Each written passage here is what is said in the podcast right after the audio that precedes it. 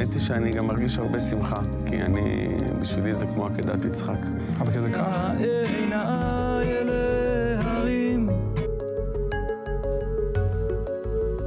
תנסו לייצר משהו שמחייב אתכם, שמאלץ אתכם. בלי זה...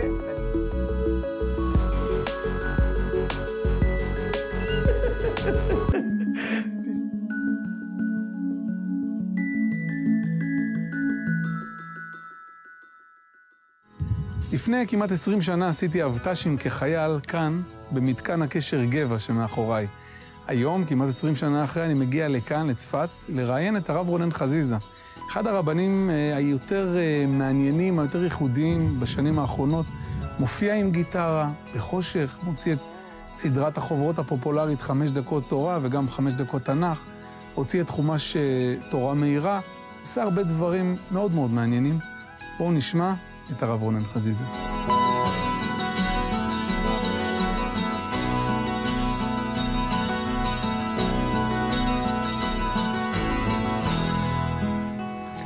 הרב רונן חזיזה, שלום. שלום וברכה. אני הרבה זמן מחכה לפגוש אותך. אני עצמי הכרתי אותך דרך אה, חמש דקות אה, תורה ביום, עכשיו אני מנוי של חמש דקות תנ"ך ביום, או נח, אה, שזה פרויקט מדהים שאנחנו עוד נדבר עליו, אבל אני רואה את כל הדברים האלה, אה, ודווקא פה אני רציתי לעשות את הרעיון, לפחות את תחילתו. מתי יש זמן לעשות את כל הדברים האלה? לכתוב חמש דקות תורה כל יום, חמש דקות תנ"ך, כל החומשים האלה של תורה מהירה, תרגומים, ספרים, מאיפה כל זה? האמת, אני אגיד לך שאני, נראה לי שאני לא מספיק מנצל את הזמן. אם הייתי מנצל את הזמן כמו שצריך, היית רואה עולם ומלואו. כל יהודי יכול לעשות את זה, באמת. אבל זה, כל זה בא ממקום אחד. מרצון אמיתי בלב, שכל יהודי ירגיש את הקדוש ברוך הוא. יתקרב לקדוש ברוך הוא. והדבר שהוא מכנה משותף להכל, זה שאני הבנתי שיש איזשהו פער בין הספרים שכתובים היום בספרייה, ויש בכל מקום ספרי הלכה, ספרי מוסר, לבין הדור שלנו. התרחקו מאוד מאוד מאוד אחד מהשני, המרחק הוא מאוד מאוד גדול. ואז אנשים לא מבינים את מה שיש שם. אני החלטתי להפוך את כל זה לשפה שמדוברת היום, למצב של האנשים בדורנו. לכן זה כל כך נוגע לאנשים. זה לא שאני חידשתי, לא חידשתי שום דבר, אני לוקח את החומר שקיים, אני פשוט משכתב אותו ומעבד אותו ומכניס אותו למציאות בכיף. שכל יהודי ייהנה ממנו. אז אתה מפיק את כל הדברים האלה וכותב, כמה שעות אתה כותב ביום? לפעמים אה, שמונה שעות, לפעמים עשר שעות. משרה מלאה, אבל שיש אה, פנסיה וכאלה. בעזרת השם. אני למשל, באמת, אני באתי, לא עשיתי בכוונה ארכיון, אני באמת מגיע אה, נקי וסקרן לשמוע מאיפה בעצם הגעת. אתה בעל תשובה, אתה דתי מבית. זה, זה... תראה, יש הרבה רבנים ואתה משהו אה, לא כל כך ייחודי בנוף. דיברנו קודם, לפני הצילומים, למה אתה לא מוציא את הדיסקים האלה, עושה דיסק, אולפן וזה וזה? לא. למה אתה לא מפיץ אותם בחנויות אה, דיסקים רגילות? לא. משהו אחר. כן, תראה, קודם כל שאלת אם אני דתי מבית. כן, זה הכנסתי כמה שאלות. אה. אז תראה, אני עד גיל 18 הייתי דתי. ואז חזרתי בתשובה. מה זה דתי? דתי זה כמו, כמו שגדלים בבית... מצוות אה, אנשים מלומדה? לא, ברוך השם, ההורים שלי אנשים יראי שמיים, אנשים טובים, אנשים עם ערכים עמוקים. אתה יודע, יוצא מרוקו, הם באו עם זה מהבית. איפה גדלת? בצפת? לא. אני עד הבר מצווה גדלתי בבית שאן. ולמדתי בבית ספר ממלכתי דתי. משם, בכיתה ז', עברתי לחיספין, לישיבה התיכונית. ואז ההורים שלי החליטו לעשות מעבר בכלל מבית שאן לירושלים. הם רצו יותר קדושה לילדים, לדאוג יותר. עברנו לירושלים כל המשפחה. ואז סיימתי את אה, ח' בחורב, ועברתי לנתיב מאיר, ישיבה תיכונית. כל המשפחה עברה לכיוון החרדי? כל המ... לא. כשהיינו שמה, היינו עדיין אה, עם כיפה סרוגה, דתי לאומי, למדתי בישיבה תיכונית. האחיות שלי באולפנות.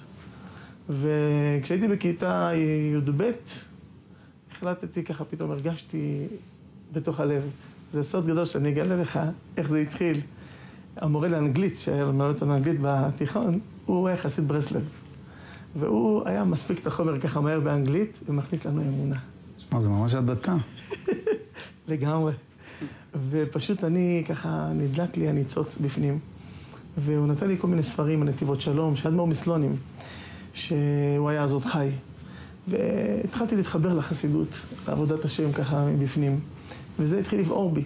ופשוט עזבתי בתחילת כיתה י"ב, עזבתי את הישיבה התיכונית, הלכתי לישיבה גבוהה, ואז פתחו ישיבה בבת עין, בגוש עציון. ושם ישיבה כזאת מעורבבת עם אה, דתי לאומי וחרדי וחסידים, ושם נכנסתי ל- ללימוד שמה, והתחתנתי בגיל מאוד מוקדם, בגיל 19 וחצי. או, כן, ברוך השם. אתה ממליץ לרוב האנשים להתחתן בגיל מאוד, כזה? בטח. כולם? זה לא תלוי בבן אדם? מה זה?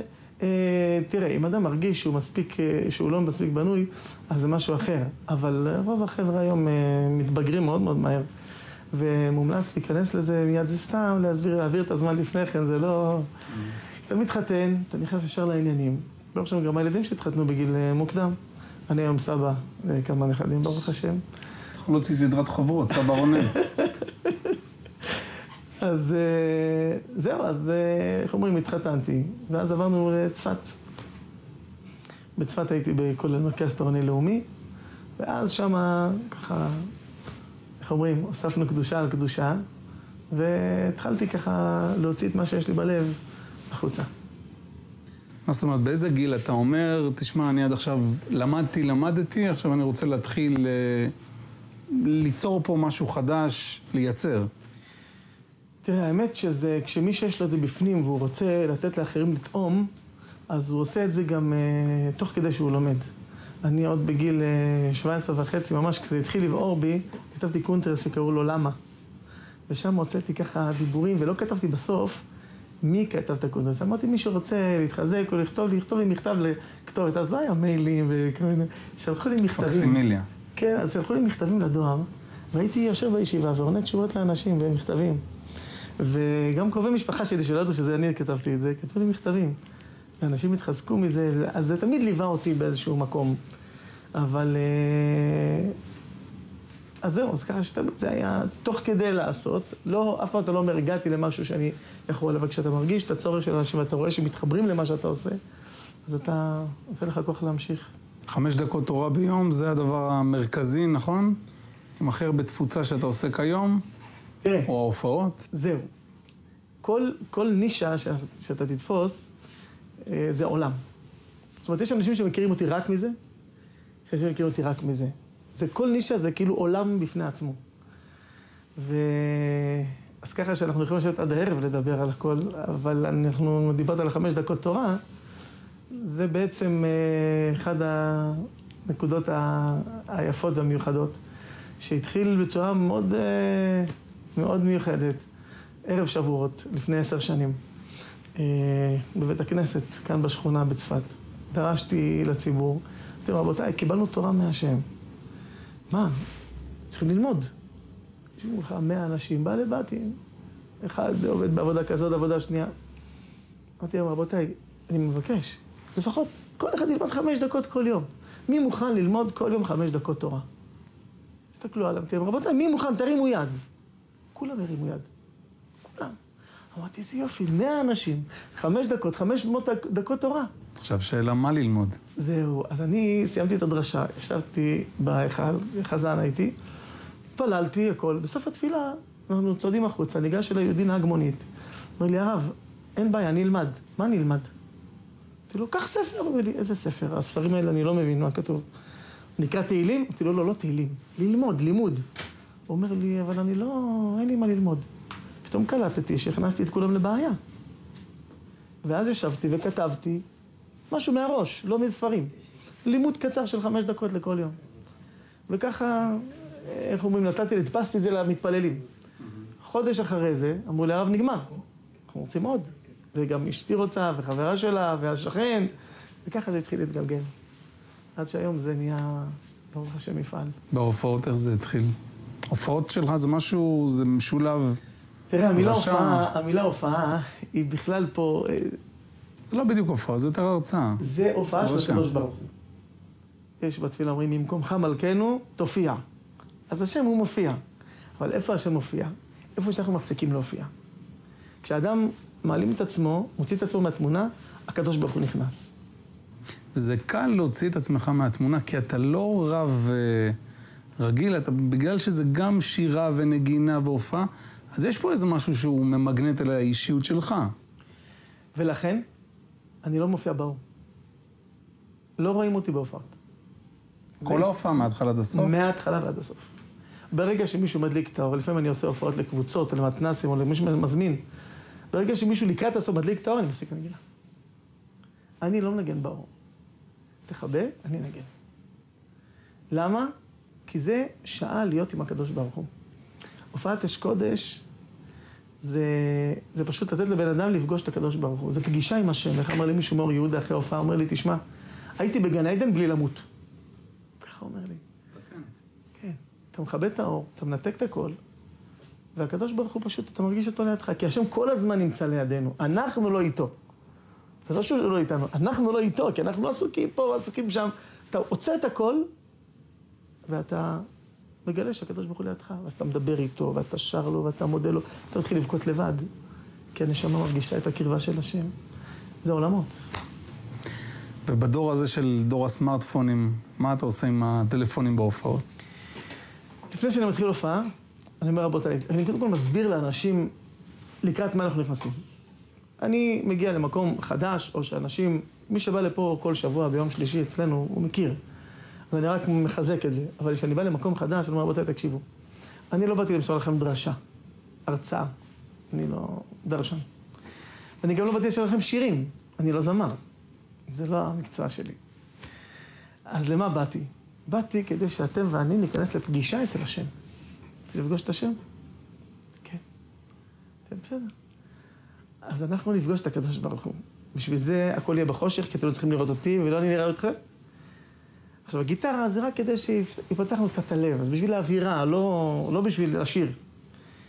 עכשיו, לגבי הפלאפונים, מי שיעשה על שקט, בסך הכל לא מפריע לי, אבל הוא מפריע לעצמו. אתה נכנס לפגישה עם ראש ממשלה, עם ראש עיר, לא משנה, אתה מכבד את הפלאפון. אם אתה רוצה שהשם באמת יהיה איתך, מה שאתה עושה, השם יעשה. השם צילך על יד ימיניך. מה, כמו צל, אתה מרים את היד, הצל מרים את היד. אם אתה תתנתק חצי, אז השם יבוא חצי. תתנתק לגמרי, השם יבוא לגמרי. אז לכן אני אומר להם, רבותיי, נא לנטרל פלאפונים. אז אתה רואה את האנשים מוציאים כזה, עושים על שקט. ואני אומר להם, טוב, ועכשיו, כל מי שעשה על שקט שיכבה. אני אומר להם, עכשיו, למה? בשבילך. שתהיה אתה עם הקדוש ברוך הוא. תן, תגיד, מי שתגיד לך אחרי זה, לא היית זמין. תגיד לו, נכון, הייתי בשמיים, אין קליטה. הייתי בפגישה עם בורא עולם. אפרופו סמארטפונים, אתה יודע, הדור הזה, מישהו פעם אמר לי חידוש תורה, בן דוד שלי. אמר לי, זה דור שמלאכים עולים ויורדים. זאת אומרת, מצד אחד אנחנו רואים התחזקות מאוד מאוד גדולה, מצד שני גם התהומות שחלק מהאנשים מגיעים הם הרבה יותר עמוקים. גם אם בן אדם היה נגיד לפני 20, 30 שנה, יורד למטה, זה לא היה הלמטה שיש היום. איך מתמודדים עם זה? אתה, יש לך גישה גם לבני נוער למשל. בא אליך נער, וזה אני גם חושב על עצמי, כאילו, על, על הילדים שלי כשהם יגדלו. אומר לך, תשמע, לא מתאים לי, תן לי ליהנות. תן לי, עזוב אותי, לא יודע מה העולם הבא, שמע העולם הבא, כשאני אהיה זקן אני אלך לבית כנסת, אולי כשאני אתחתן, בסדר? בינתיים, תן לי, אני עוד לא נשוי, עוד לא זה, כולה בן 16. עזוב אותי, תן לי ליהנות. איך מתמודדים עם דבר כזה?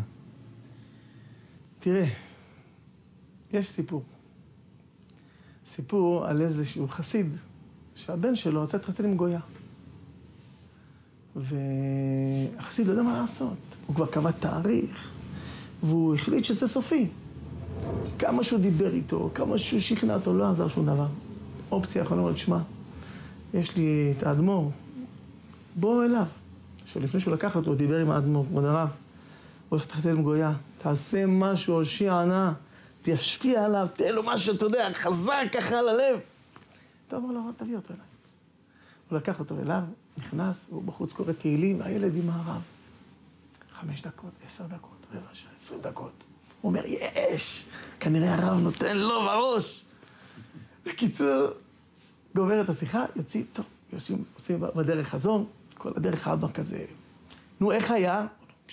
ממש. אומר לו, נו, היה טוב? אומר לו, איזה, תשמע, איזה רב, איזה, איזה אישיות, איזה... משהו, משהו, ממש, התאהבתי בבן אדם. הוא אמר, נו, ומה הוא דיבר איתך? הוא דיבר על החיים, על הפה, על השם. הוא דיבר איתך על החתונה? לא. לא. אמר לו, מה לא? אמר לו, לא. אז הוא דיבר איתך? על פה ועל שם. אבא תפס את הראש שלו, מה זה? הרב לא הזכיר כלום, מילה. גמרו את הנסיעה, טוב, הרב הולך. להמשיך, הרב, טוב, מה שהרב עושה, מה אפשר לערער אחרי הרב? שבוע, שבוע וחצי, פתאום התחיל סכסוך בינו לבינה. מריבה, חיכוכים, טק, טק, זה הלך וגדל, ביטלו את החתונה. איך שאבא שמע, וואי, איזה שמחה, רץ לרב, כבוד הרב, השתבח שמו, החתונה התבטלה. עכשיו תגיד לי, הרב, מה, הבנתי שלא דיברת איתו על, על החתונה? לא, לא, לא דיברתי איתו על החתונה. אמר לו, מה לא דיברת איתו? אז, אז, אז איך זה קרה? אמר לו, תקשיב, אני נתתי לו לאהוב אותי. ומי שאוהב אותי, לא יכול לאהוב גויה. אתה מבין את הנקודה? כשמישהו פוגש אותי, אני דואג רק דבר אחד, שהוא יאהב את השם. ושהוא ירגיש שהשם אוהב אותו. זה הכל. השם כבר יעשה את הכל. מי שאוהב את השם, הוא לא ירד. גם אם הוא ירד, זו לא ירידה אמיתית. וזו נקודה שצריכים לזכור בדור שלנו, הכל כאילו. גם העבירות, גם העבירות הן כאילו. אתה מבין? זה לא ירידה שהייתה פעם, זה שטחי. לכן גם מהר מאוד אפשר לעלות.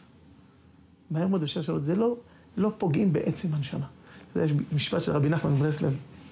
הוא אמר לחסידים שלו, אני עשיתי שהעבירות שלכם יהיו בלי ידיים ובלי רגליים. כלומר, גם כשתעשו עבירה, זה עבירה מבאסת כזאת, לא כיף. אז ממילא התשובה היא קלה יותר. עכשיו אני אגיד לך חידוש תורה, אני יודע שאני מדבר הרבה, אבל אני אגיד לך חידוש תורה שחייב להגיד אותו. חייב. אחרי זה תגיד לי חידושי פייסבוק ווואטסאפ, איך מנתקים אותם מהדברים האלה. אני חייב להגיד לך חידוש תורה, תשמע. בלעם אמר, לא הביט אבן ביעקב ולא ראה עמל בישראל, השם אלוקיו עמו ותרועת מלך בו. מה הכוונה? יש כוונה מצדיקים, מביא את זה בנתיבות שלום. עמל ואוון זה עבירות. רובם עמל ואוון זה חטאים, מעשים לא טובים. לא הביט אוון ביעקב, השם לא רואה עבירות בישראל. ולא ראה עמל בישראל. איך יכול להיות? מי שאומר השם ותרני, ותרו חייו. מה זה להגיד שהשם לא רואה עבירות? איזה עבירות השם לא רואה? לא הביט אבן ביעקב, ולא ראה עמל בישראל, השם אלוקיו עמו, ותרועת מלך בו. כשאדם עושה עבירה, ובזמן העבירה הוא מרגיש שהשם איתי, וכואב לי שאני עושה את העבירה, אבל אני לא יכול לא לעשות אותה. עבירה כזאת, השם לא מסתכל. השם אלוקיו עמו בזמן העבירה, הוא תרועת, מה זאת אומרת, תרועת מלך בו. כואב לו שהוא עושה את העבירה, לכן אני אומר לכל החבר'ה, אני אומר להם, תקשיב, אתה עכשיו הולך לעשות עבירה? אל תגיד, ריבונו של עולם, יש לי איזה משהו, אני אדבר איתך אחרי זה, כאילו, נחזור אחרי זה. ואז אתה הולך, נופל, ואתה אומר, איך אני אחזור ואיך... לא, אל תיפרד מהשם. לך לעבירה עם השם. תהיה שמה. זה כתוב, בכל דרכיך דאהו. הגמרא אומרת, מה זה בכל דרכיך? ואפילו לדבר עבירה. כשאתה מלמד ילד שהשם איתו, זהו. וואטסאפ, פייסבוק, עולם, תלמד אותו רק את זה. השם איתך. כשאתה רואה ילדים שנפלו מהדרך, משפחות טובות, מה היו רוב הטעויות שנעשו איתם? אתמול, אתה מדבר איתי וזה כואב לי, אתמול אומר לי בחור, אבא, אני לא יודע מה לעשות, אני בא ללמוד גמרא, אני נזכר בצעקות שקיבלתי כשהייתי ילד. אני לא יכול להתחזק. בחור ממשפחה שלמד תלמוד תורה, אומר לי, אני לא יכול להתחזק, אתה מבין באיזה מצוקה אני נמצא? אמרתי לו, איך הצליחו כל כך הרבה להרוס? לפגוע כל כך. הטעויות נעשו ב, ב, בנקודה כזאת ש... שהילד מקשר את התורה לדבר שלילי? שהילד לא יודע שהקשר שלו זה עם השם ולא עם דברים שהוא עושה. לא עם הרב והאבא, יש את הקטע של הרב והאבא והכל, אבל הקשר שלו הוא עם השם. אתה מבין? כשהוא נוטל ידיים, אין לו רומן עם נטלה. ועם המים, ועם המגבת וכל שנייה, יש לו רומן עם השם. אז הלב שלו מחובר להשם, המעשה הוא... אז ממילא, כשהוא בישיבה הוא עם השם, וזה, זה, זה, זה, זה, זה המוטו, זה הנקודה. אתה יודע, אני בדיוק עכשיו קורא ספר על יוצאים בשאלה, שהמחברת היא ראיינה הרבה אנשים, ומה הנקודה הזה? הרוב המכריע אמרו שה... זאת אומרת, ההיחלשות שלהם זה בגלל אנשים מסביבם. כמו שאמרת, ראיתי את הרב, ראיתי את האבא, ראיתי את האימא, הם היו ככה, הוא עשה ככה, הפוליטיקאי ההוא, הציגו אותו ככה וככה. זאת אומרת, יש פה חוכמה שגם אני, איך שקראתי את זה, אמרתי לילדים שלי, אמרתי להם, תדעו לכם, תראו את הרב הכי גדול, עושה דבר לא טוב, לא קשור. אתה מול הקדוש ברוך הוא, נגמר הסיפור. בדיוק. הוא לא בוחן אותך לפי צינור אחר, בוחן אותך לפי מה שאתה. זה מה שאני עושה בהופעות. יושב ראש כולל, יושב חילוני, מחלל שבת, אחד ליד השני, בחושך, יעצמו עיניים, בלי פלאפון, בלי כלום, הם שווים. הם שווים בנקודה שעכשיו הוא מול הקדוש ברוך הוא. אתה מבין? אני מגלה להם את הקשר שלהם עם השם. זה הכל. מפה, זה, לך קדימה. הייתי באיזשהו מקום, עשינו הופעה, הופעה, אמר לי איזה יהודי, הרב שלהם שם, של הבחורים, אומר לי, מה עשית? אמרתי לו, מה עשיתי? אומר לי, מה עשית? הבאת אותם עד לשוקת. הם היו כבר פטורים, תגיד להם שים ציצית, תגיד להם תניח תפילין, תגיד להם משהו, השארת אותם ככה. אמרתי אני לא אגיד להם כלום. אני אגיד להם, השם איתכם. זה הכל. לך עם זה. לך עם זה. הוא כבר יניח תפילין, הוא וישים ציצית. ואולי זה לא עובד. אין דבר כזה. אין דבר כזה. אני אספר לך סיפור מחבר, שגם הוא ככה מנגן, מחזק. הוא סיפר לי ככה, שהוא הלך בצפת, מעל מקווה הארי, יש ככה שביל שיורד לכיוון אה, שכונת מאור חיים. עובר לידו בחור ככה, נראה בעל תשובה, פאות וזקן, וכולו באורות. קודש. כן, אומר לו, ישראל, מה נשמע? מחבק אותו, חיבוק. הוא מחבק אותו בחזרה. אז אומר לו, ישראל, אתה מזהה אותי? אמר לו, לא. אמר לו, תסתכל עליי טוב. אמר לו, לא. אמר לו, תקשיב, לפני שנה היית באיזשהו מקום, ניגנת לאיזה קבוצה, ובא אליך אחר כך בסוף מישהו עם שיער, רסטות כאלה, עד למטה. זוכר? הוא אומר לו, אני זוכר. אמרתי לך שניגנת יפה. זה הייתי אני. הוא אומר לו, כן. מה, השתבח שמו, איך עשית תשובה? הוא אומר לו, תקשיב, כשאמרתי לך שניגנת יפה, אתה לחצת לי יד ואמרת לי, תזכור דבר אחד, השם אוהב אותך. הוא אומר, הלכתי הביתה, שמתי את הראש על הכרית, ואני מתחיל לחשוב, השם אוהב אותי. למה? השם אוהב אותי, אז איך אני... אני גם אוהב אותו. איך אני אמר שאני אוהב אותו? המילים האלה לא נתנו לי מנוחה. עד שעשיתי תשובה. דרך אגב, זה פשוט משנה. אוהב את הבריות ומקרבן לתורה. מה זאת אומרת? אתה, אז, אז בתונר מסביר שמישהו, אהרון היה רואה מישהו, אה, מחבק אותו, אוהב אותו, ומקרבן לתורה. מה הקשר? הוא אומר, וואי, איזה פדיחות, אהרון אוהב אותי. אם אהרון אוהב אותי, אני חייב להיות כמו שצריך. אז אני אומר לאנשים, אם השם אוהב אותך, איך אתה צריך להיות? זהו, זה עושה הכל. ואני הסברתי לפי זה את המשנה שאומרת שבדור האחרון בן קמה לאביו, מקלה בחמותה וחוצפה יסגה והכל, ואין לנו על מי להישען, אלא על אבינו שבשמיים. מה הפירוש? למה לא כתוב אין לנו על מי להישען רק על התורה, על המצוות, על הלכה? גם זה לא יתפוס. על אבינו שבשמיים. תגיד לאנשים שיש להם אבא בשמיים. זה הכל. זה כבר יסדר את הכל. אבל עדיין אין בזה סכנה שהם יגידו, בסדר, יש לי אבא בשמיים, יש הרבה גם מסורתיים אגב, שאומרים, ברוך השם, מקפיד לנשק את המזוזה כל יום, בשוכבו ובקומו, בצאתו ובלכתו, וזהו, כאן זה בערך מפסיק. תראה, זו השאלה, אדם שרוצה, אדם שלא רוצה לקיים תורה ומצוות, לא יעזור לו שום דבר. אם יגידו לו את זה בצורה קשה, זה עוד יותר לא יעזור לו. כשאתה אומר לו שהשם אוהב אותו, אתה יודע שהשם יש לו תורה ויש מצוות. החיזוק הזה נותן לו את האופציה להצליח ולעשות את זה בסוף. הסכנה שיהיה לו חלישות מזה, כן? איך, איך יש אה, משפט כזה של רבי נחמן ברסלב, שפעם בא אליו בשמיים מלאך והוכיח אותו על דברים שהוא עשה. אמר לו רבי נחמן, אם באת להחליש אותי, תלך. אתה רוצה לחזק אותי? תחזק אותי. אבל להחליש אותי, אני לא רוצה, אני מספיק, מספיק יש לי חלישות מה שאני עובר. הדור שלנו עובר כל כך דברים קשים. אנשים שבורים מכל מה שעובר עליהם. וכשאתה בא ואומר להם שהשם אוהב אותם, אין. זה, זה נותן להם את הכוח, וזה מושך אותם לעשייה. הניסיון מראה שהם לוקחים את זה לכיוון החיובי ולא לכיוון השלילי. טוב, יפה. אני חושב שהגיע הזמן אה, לערוך קצת אה, סיור. הקמת פה אימפריה ב... בתוך ערי צפת, בית מדרש וככה מוסדות אה, מעניינים, אז בוא נראה. בשמחה.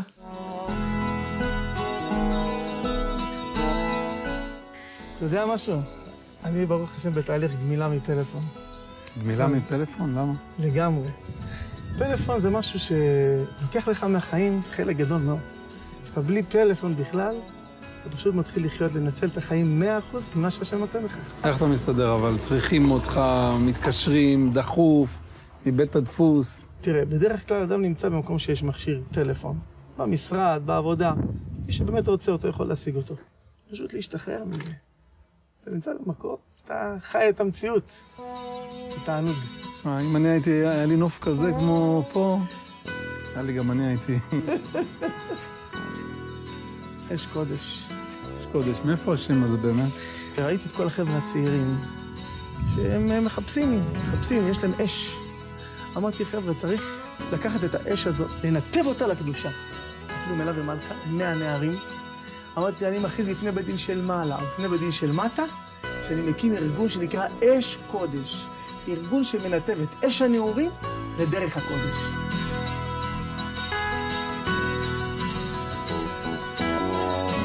זה בית המדרש שלנו, בית המדרש אש קודש. המקום פה פתוח לרווחה כל ימות השבוע לכל מי שרוצה לבוא ללמוד. מה זה, כמו שעכשיו נכנסנו, באמת פתוח? כל הזמן פתוח, השלטים של המזגנים נמצאים, אתה רואה, על השולחן. Okay. אוקיי. כל מי שרוצה בא, יש שתייה חמה, שתייה קרה, מדליק מזגן על חשבון בורא עולם, ויושב ללמוד תורה, לעבוד השם. כולם מוזמנים מכל הארץ להגיע לפה, פעם בשבוע. מגיעים לכאן מכל הארץ, בעיקר מהצפון, אבל מכל הארץ, יום שלישי בערב. יושבים כאן, המקום מתחלק לשניים, צד נשים, צד גברים, יש לנו מחיצות מיוחדות, ופשוט יושבים כאן בהופעת אש קודש. שעה, שעה ורבע, חושך, ניגון בגיטרה, שירים להשם, תפילות, דיבורים, הקירות ספוגים פה מדמעות של יהודים, והרבה יהודים נשאו. אתמול סיפר לי בחור שאח שלו היה חולה הרבה זמן על ערש דווי, והוא היה מגיע כל שבוע שוב. פה להופעה, והתפללנו עליו ככה, רופא חולה עמו ישראל. כולם שרים את זה 200 איש. רופא חולה עמו ישראל, ברוך, ברוך אתה, ברוך אתה השם, רופא חולה עמו ישראל. אנשים בוכים, בוכים להשם, דמעות כאלה. פותחות שערי שמיים. פשוט אנשים, אתה רואה מה זה מבריאים, אנשים מתחתנים, אנשים... אין ישועות אצל השם, רק מהשם. ישר לקדוש ברוך הוא. נראה שאתה נולדת לעניין הזה של הקירוב וזה. מה היית עושה אם לא היית עוסק בזה? הייתי עוסק בזה. תשמע, מה אני אגיד לך? לא יודע, לא יודע, זה הקדוש ברוך הוא כיוון, כיוון את הכל. אתה יודע, פעם כשהייתי בחור צעיר, עלה לי חידוש שלבד זה ראשי תיבות לדעת בארץ דרכך. אדם הרבה פעמים נמצא בחברה וכל מיני, והיום בכלל עם כל הפייסבוק והוואטסאפ, אתה כל הזמן מחובר למלא מלא מלא, אתה לא מוצא את הדרך שלך בחיים. כשאתה כזה לבד, אז אתה מוצא את הדרך. אז נכון, כל היום אתה נמצא עם אנשים, אבל לפחות קצת זמן ביום. אתה מחובר לקדוש ברוך הוא ומגיע למקומות אה, מיוחדים. כל כך הרבה אופטימיות, אתה יודע, אני עיתונאי במקור, ואני מחפש, אתה יודע, את. זה, השאלה מאחורי החיוכים, והאופטימיות, והאהבה לקדוש ברוך הוא. מה למשל מטריד אותך? מה פחות גורם לך לשמוח? תראה, אני אגיד לך. הקדוש ברוך הוא כנראה כש, כשהוא ברא את, ה, את הנשמה שלי, ככה אני מרגיש. הוא נטע באיזשהו צ'יפ כזה. שהצ'יפ הזה, יש לו תכונה שכשמגיע משהו קשה, הוא נהפך להיות יותר, יותר כאילו הפוך על הפוך על הפוך על הפוך. זה, זה, זה ככה, זה כנראה בגלל שהתפקיד שלי ככה לתת לאנשים את הכוח הזה והתקווה להמשיך הלאה. מה, ש... מה שנקרא לפעמים מחליש אותי, שאני רואה כמה עבודה צריך לעשות. כמה עם ישראל עדיין... אה, זה כמה שאתה עושה, אתה יודע, עשר שנים אתה כותב חוברת, אחרי זה כותב הדרך אני לא מכיר את זה, לא שמעתי על זה. עם ישראל ככל אשר על שפת הים, זה... אתה צריך לעשות הרבה, אבל זה לא מחליש, זה ככה... זה נותן עוד יותר אה, אנרגיות. כל הזמן, זה, זה ככה משהו, להפוך תמיד את ה... מהירידה, להפוך את זה לעלייה. איך נסיים את זה, עם גיטרה, משהו? איך נעשה את זה עם גיטרה? אז ככה, אפילו שזה לא ממש הופעה, הופעה פרטית. שיר אחד, שהוא שיר שנותן לאדם אפשרות לבקש מהשם סליחה. והאדם מסתובב הרבה פעמים בחיים, מרגיש ככה משהו על הלב יושב לו. הוא לא בסדר, הוא יודע שהוא לא בסדר. אז כשהוא אומר סליחה, הוא מוריד את זה ממנו. פשוט מודה. מודה, אני מודה, השם, טעיתי, סלח לי. והשם כל כך קרוב ומקבל את התשובה של האדם. השיר הזה נקרא, נפתחו השמיים וירא מראות אלוקים. נפתחו השמיים ואתה שוב מולי אלוקים. מביט עליי מלמעלה, פותח שערים. מביט עליי מלמעלה בגעגועים. נפתחו השמיים ואראה מראות אלוקים. נפתחו השמיים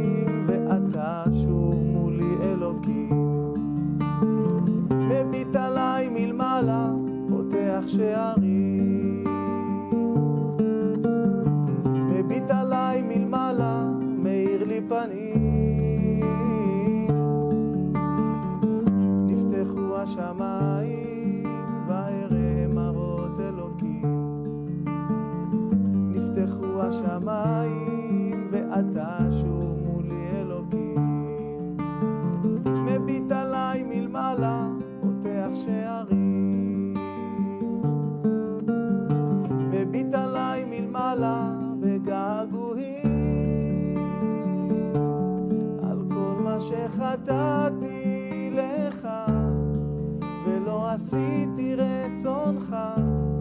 סלח לי השם,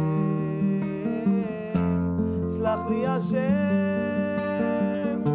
על כל מה שהכעסתי אותך, ולא שמעתי בקולך, סלח לי השם, סלח לי השם, כי אני באמת אוהב אותך, ורוצה את קרבתך, קרב אותי השם, קרב אותי השם,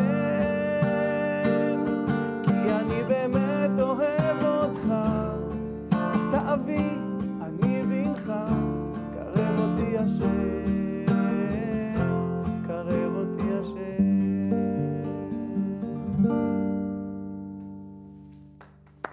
נהוג למחוא כפיים אחרי שיר? כשהם מוחאים כפיים מאינסטינקט, אני אומר להם, תעצרו רגע, אנחנו בפגישה עם השם.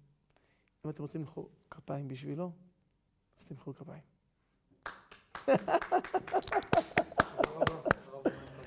שמחה.